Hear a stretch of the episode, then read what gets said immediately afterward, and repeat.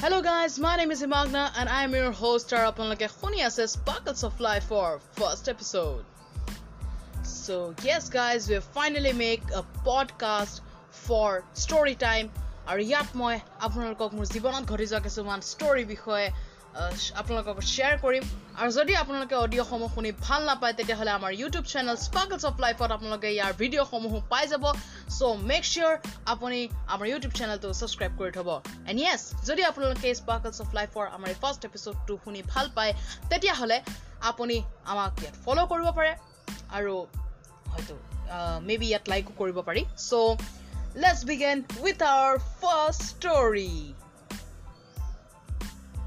so' ষ্টৰিটো begin হয় মই যেতিয়া ক্লাছ ফ'ৰত আছিলোঁ ফ'ৰ্থ নে ফিফ্থত আছিলোঁ হ'বলা ফ'ৰ্থত আছিলোঁ য়েছ ত' মই ক্লাছ ফ'ৰত আছিলোঁ আমাৰ ছেশ্যন ফ'ৰ যিটো ফ'ৰ্থৰ ছেশ্যন আছে সেইটো নতুনে নতুনে ষ্টাৰ্ট হৈছিলে। ত' তিনিদিন তিনি নম্বৰ দিনাখন আছিলে স্কুলৰ সেইদিনাখন ফ'ৰ্থৰ তিনি নম্বৰ দিনাখন আছিলে। ত' মই আৰু মোৰ তিনিটা ফ্ৰেণ্ড যাক আমি আজি এই ষ্টৰিটোৰ কাৰণে ক'ম য়েছ চেনিটাইজাৰ ৰাজমাহ আৰু বেক কভাৰ য়েছ গাইজ মই অকণমান গম পাইছোঁ এইটো অলপ অড নাম হয় কাৰণ তথাপিও অলপ পাৰ্চনেল মানে প্ৰাইভেচি ৰিজনছৰ কাৰণে মই তেনেকৈ অলপ নাম এটা দি ল'ব লগা হৈছে। আচল নামকেইটা অলপ বেলেগ আছিলে। তো আমি চাৰিটা স্কুল ছুটি হোৱাৰ পিছত মাষ্ট একদম ধুনীয়া বাছৰ ফালে গৈ আছিলোঁ আৰু আমাৰ তেতিয়া বাছখনৰ এটা ৰুল আছিলে যে টাইম টু টাইম পাবগৈ লাগিব টাইম টু টাইম আহিব লাগিব। নহ'লে বাছখনে এৰি থৈ আমাক গুচি যায়। তো আমিতো তেতিয়া সৰু আছিলোঁ আৰু আমি তেনেকৈ একো বিষয়ে নাজানিছিলোঁ কেনেকৈ অকলে যাব লাগে এতিয়া বাৰু অকলে অহা যোৱা কৰোঁ। কিন্তু তেতিয়া আমি ইমান জনা নাছিলোঁ। তো মই ৰাজমাহ বেক কভাৰ আৰু আমাৰ চেনিটাইজাৰ আমি কথা পাতি পাতি গৈ আছোঁ গৈ আছোঁ স্কুল ছুটি হ'ল। তাৰপিছত দেখিলোঁ বাছখন পোৱাৰ অলপ আগতে অকণমান আগত আছে আৰু বাছখন পাবলৈ অকণমান দেৰি আছে দূৰ আছে। তো বাছখন পোৱাৰ অলপ আগত এখন বিছ টকীয়া নোট পৰি আছে।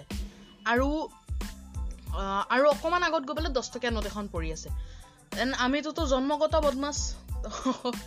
জন্মগত বদমাছ হোৱাৰ বাবে আমি কি কৰিলোঁ বিছ টকাৰ দহ টকাৰ নোটখন উঠাবলৈ গ'লোঁ। আৰু লক্ষ্মী হাতত আহিছে যেতিয়া আৰু কেলেনো এৰি দিওঁ। তো গতিকে আমি বিছ টকীয়া নোটখন জাষ্ট উঠাব লৈছিলোঁহে। কাহিনীত এইখিনিতে এটা টুইষ্ট হ'ল। টুইষ্টটো হ'ল এনেকুৱা যে যেতিয়া আমি উঠাবলৈ লৈছিলোঁ এজন মানুহ হাইৱেৰ ছাইডৰ পৰা দৌৰি আহিছিলে। আৰু আমাৰ স্কুলখন বাইদেৱে হাইৱেৰ ওচৰতে আছিলে। তো সেইকাৰণেহে মই এইটো কথা কৈছোঁ হাইৱেৰ ওচৰৰ পৰা দৌৰি আহিছিলে। আৰু আমি ডিটেক্টিভ শ্বাৰ্লকৰ ডিমাক লগাই পালে এইটো গম পালোঁ যে বিছ টকাৰ দহ টকাখন সেইজন মানুহৰে। মানে এইটো আমি কনফাৰ্ম আৰু যে তাহাঁতৰ বিছ টকাৰ দহ টকাৰ নোটখন। চৰি তো হ'ল কি আমি এতিয়া কি কৰিম? এতিয়া এৰি দিবলৈও মন নাই মানুহজনক দিবলৈ মানে ৰাখিবলৈও হেৰি অকণমান সংকোচ লাগিছে। তাৰপিছতে আমি কি কৰিলোঁ সেইখিনি সময়ৰ এটা প্লেন বনালোঁ আৰু প্লেনটোৰ মাষ্টাৰ মাইণ্ড আছিলোঁ মই। তো মই সেইটো ক'বলৈ বহুত গৰ্ব কৰোঁ। তো আই এম চ' চৰি বাট তো সেই প্লেনটোৰ মাষ্টাৰ মাইণ্ড আছিলোঁ মই। তো মই কি প্লেন বনালোঁ যে মই আৰু বেক কভাৰ যিটো আছিলে তো সি আৰু মই মিলি পালে ভৰিৰে বিছ টকীয়া নোটখন গচকি ৰাখিলোঁ। আৰু অকণমান বৰষুণৰ সময় আছিল বোকা আছিলে তাৰপিছত তথাপিও আমি ভৰি দি গচকি ৰাখিলোঁ। আৰু ইফালৰ পৰা ৰাজমাহ আৰু চেনিটাইজাৰ দহ টকাৰ নোটখন গচকি ৰাখিলে। তো টোটেল আছিল ত্ৰিছ টকা। আমি দুই তিনি গোটেইকেইটাই মিলি পালে আমি সেইকেইখন নোটকেইখন গচকি ৰাখিলোঁ। এণ্ড যেতিয়া মানুহটো আহিলে লাইক যেতিয়া মানুহটো আহিলে মানুহটোৱে সেইটো কথা মে বি চিয়'ৰ আছিল নেকি যে সেইখিনি ওচৰে পাঁজৰে ক'ৰবাত পৰিছিলে তেওঁৰ নোটকেইখন তেখেতে আহি আমাক সুধিছেহি মানে আমি সেইখিনি জেগাতে ৰখি আছিলোঁ তো তেখেতে আহি আমাক সুধিছিলে ভাইটি তোমালোকে এখন বিছ টকীয়া আৰু এখন দহ টকীয়া নোট দেখিছিলা নেকি? তো আমি আছিলোঁ যিহেতুকে মই আগতে কৈছিলোঁ আমি জন্মগত বদমাছ। তো আমি আছিলোঁ জন্মগত বদমাছ গতিকে আমি একদম ধুনীয়াকৈ ইনচেণ্ট এখন মুখ এখন বনাই পেলাই ক'লোঁ নাই আংকল আমিতো নাই দেখা। তো সেইখিনি সময়ত ইমানেই বদমাছ আছিলোঁ ইমান সৰু হৈও ক্লাছ ফ'ৰত পঢ়িও ইমানেই বদমাছ আছিলোঁ যে আমি ক'লোঁ যে ইনচেণ্ট মুখ এখন বনাই পেলাই নাই আংকল আমিতো নাই দেখা। মানুহজনৰ মোৰ মতে আমাৰ ওপৰত সন্দেহ হ'ল। আৰু সন্দেহ হোৱাৰ কাৰণে মানুহজনে কিন্তু আমাৰ ওচৰে পাজৰে বিচাৰিলে। না এনেকুৱা নহয় যে মানুহজনে আমাক চেক কৰিছে মানুহজনে আমাৰ ভৰিখনৰ ওচৰে পাজৰে বিচাৰি ফুৰিছে। আৰু আমি বাছ ভগৱানক এইটোৱে খাটি খাটি আছো যে বাছখন গুচি নগ'লে হ'ল। কাৰণ মই যিহেতুকে আপোনালোক কৈছিলোৱে যে বাছখন গুচি গ'লে আৰু সেইখন হাজাৰবাৰ কৈও লাভ নাই। আৰু এবাৰ যদি গুচি যায় আমি অকলে যাব নোৱাৰোঁ।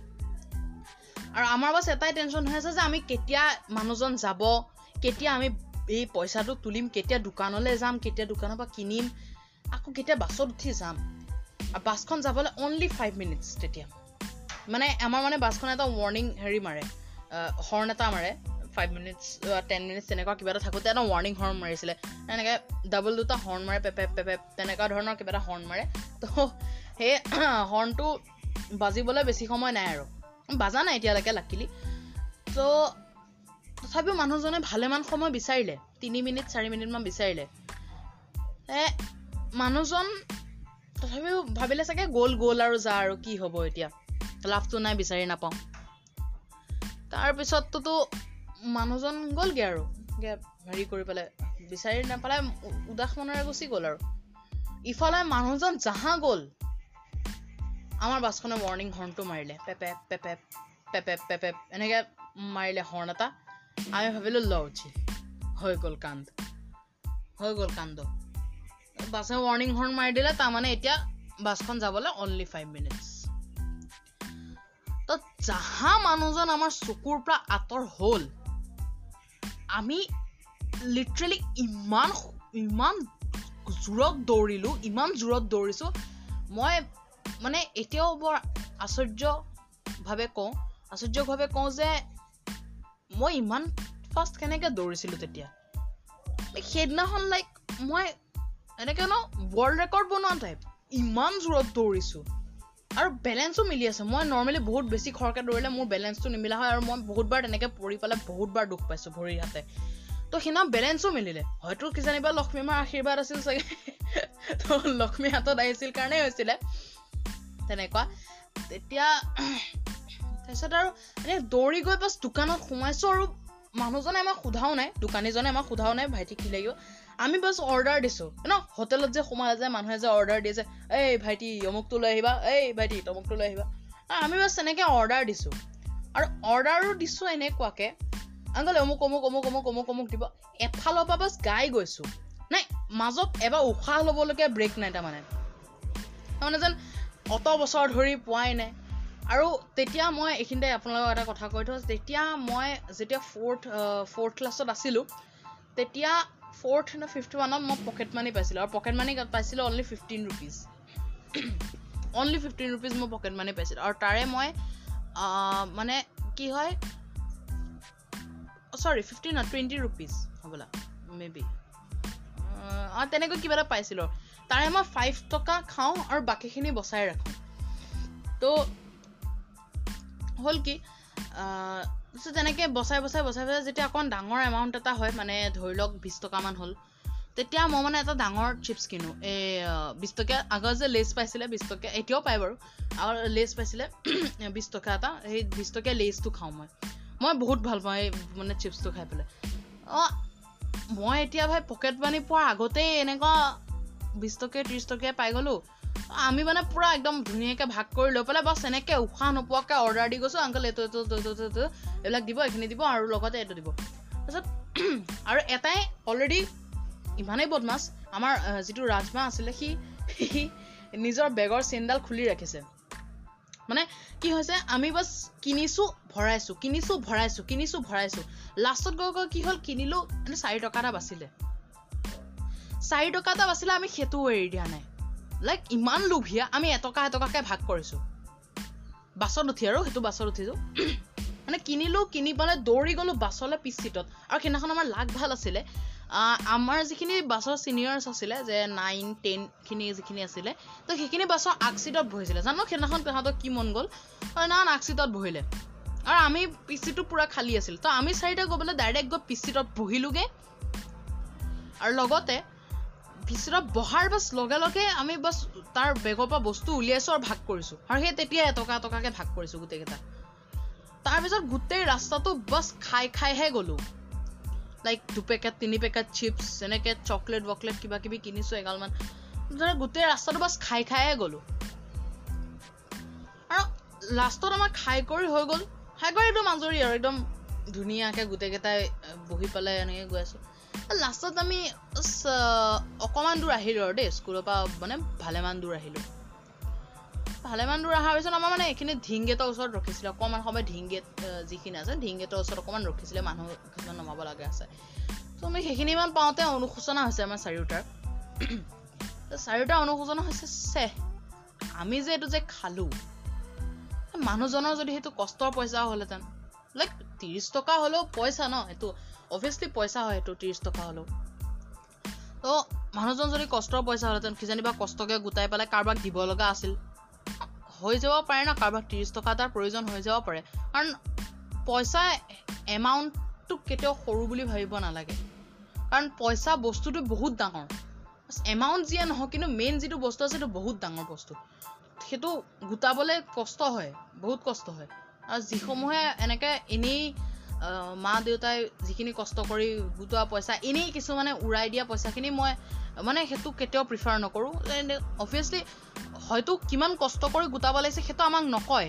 আমাক বাছ আহি পেলাই কয় সি ল অমুক পকেট মানিটো ল বা তমুক তমুক তো তেনেকৈ কৈ দিয়াৰ পিছতো তথাপিও আমাক নেদেখুৱায়। কিন্তু আচলতে তেওঁলোকে সেই পইচাটো গোটাবলৈ সেই এটকা এটকাকৈ গোটাবলৈ কিমান কষ্ট কৰিব লগা হৈছে সেইটো অকল তেওঁলোকেহে জানে।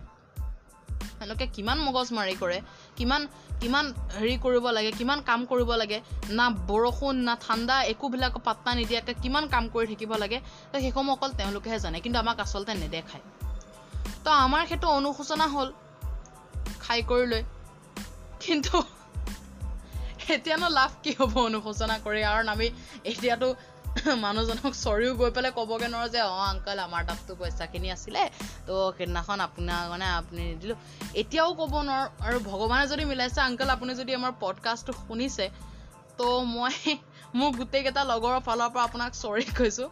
আৰু এইটো কথা আজি ফাৰ্ষ্ট টাইম মোৰ মুখৰ পৰা ওলাল আৰু হয়তো মায়েও শুনি আছে। চ' মা এইটো কথা শুনাৰ পিছত প্লিজ মোক ঘৰৰ পৰা উলিয়াই নিদিবা আৰু। তো তো তেনেকুৱা দিনো গৈছে আমাৰ স্কুলত বহুত। আৰু কেইটামান ষ্টৰি আছে য'ত যিটো মই আপোনালোকক মোৰ নেক্সট পডকাষ্টৰ এপিছ'ডত শুনাম। So' that is it for today আজিৰ কাৰণে ইমানেই। আৰু মই আপোনালোকক লগ পাম এটি নতুন এপিছ'ড লৈ পালে তেতিয়ালৈকে আপোনালোক সুখেৰে থাকক আৰু ভালদৰে থাকক আৰু নিজৰ স্বাস্থ্যৰ প্ৰতি অকণমান যত্ন দিব। Thank you so much bye bye